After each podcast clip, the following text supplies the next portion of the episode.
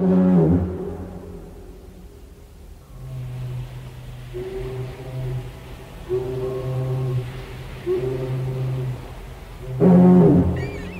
is een podcast van Geluiden uit Oost en mijn naam is Tineke Kalk.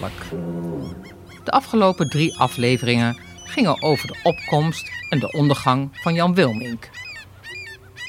Ik baseerde mij hierbij op de notulen van de vergaderingen van de Koninklijke Hollandse Lloyd, krantenartikelen en de herinneringen in het dagboek van Ernst Heldering, de man die Jan Wilmink naar Amsterdam haalde en zijn grootste tegenstander werd.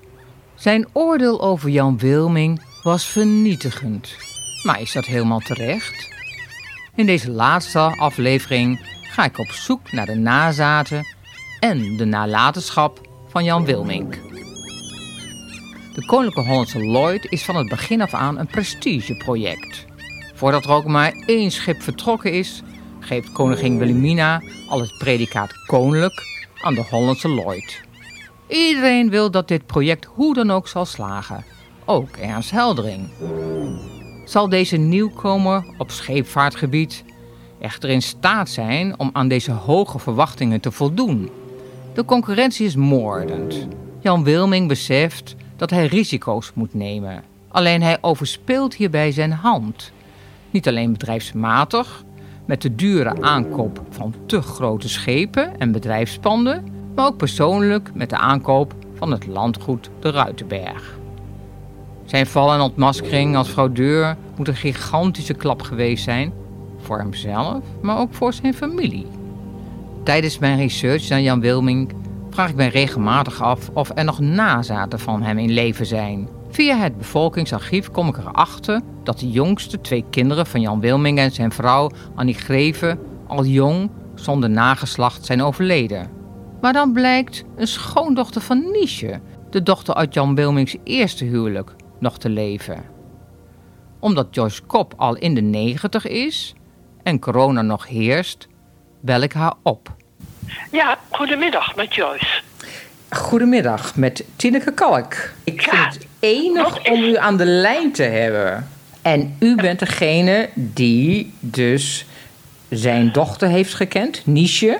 Ja, dat was dus mijn schoonmoeder. En ik denk dat u ook nog Annie heeft gekend. Annie? Greven, dat was de tweede vrouw van Jan. Oh ja, ja, ja, Maatje. Die werd Maatje genoemd.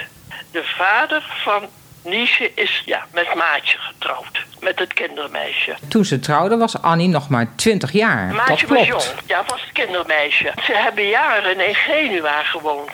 Want daar had mijn schoonvader een een rederij.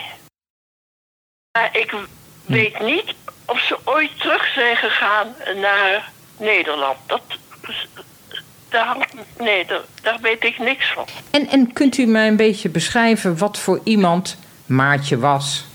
Maatje eh, eh, eh, had Indisch bloed. Ja. Ze zag er zeer, zeer ja, gesoigneerd eruit. Ja. En aardig, wel een aardig iemand, maar wel ook een beetje dominant. En eh, ja, ze hebben jaren in Genua ge- eh, gewoond. Want ze, ze, ze spraken wel eens Italiaans met elkaar. En uw schoonmoeder, kunt u daar iets over vertellen, over Niesje? Oh, Niesje was een schat van een vrouw. Werkelijk een engel hier op aarde. En heeft zij wel eens iets over haar vader verteld? Eh, over haar eigen vader? Ja, Nee. Jan? Nee, nee. En eigenlijk ook niet zoveel over haar jeugd. Daar weet nee, daar weet ik eigenlijk niks van. Ik weet alleen maar dat ze hier in Nederland heeft gestudeerd. Goh, dat is toch vreemd? Want? Nou, je zou kunnen voorstellen dat je wel eens over je vader iets vertelt. Of... eh nee, daar kan ik me echt niets over herinneren. En, en die maatje, sprak die wel eens een keer over haar echtgenoot? eh nee. En hebt u wel eens erover gehoord van dat zij heel kort een buitenverblijf hebben gehad? Een landgoed?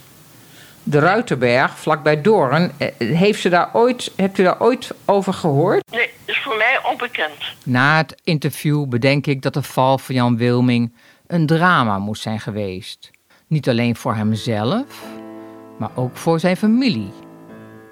Ongetwijfeld is dat de reden dat over de man die alom geroemd werd om zijn welsprekendheid in eigen familie werd gezwegen.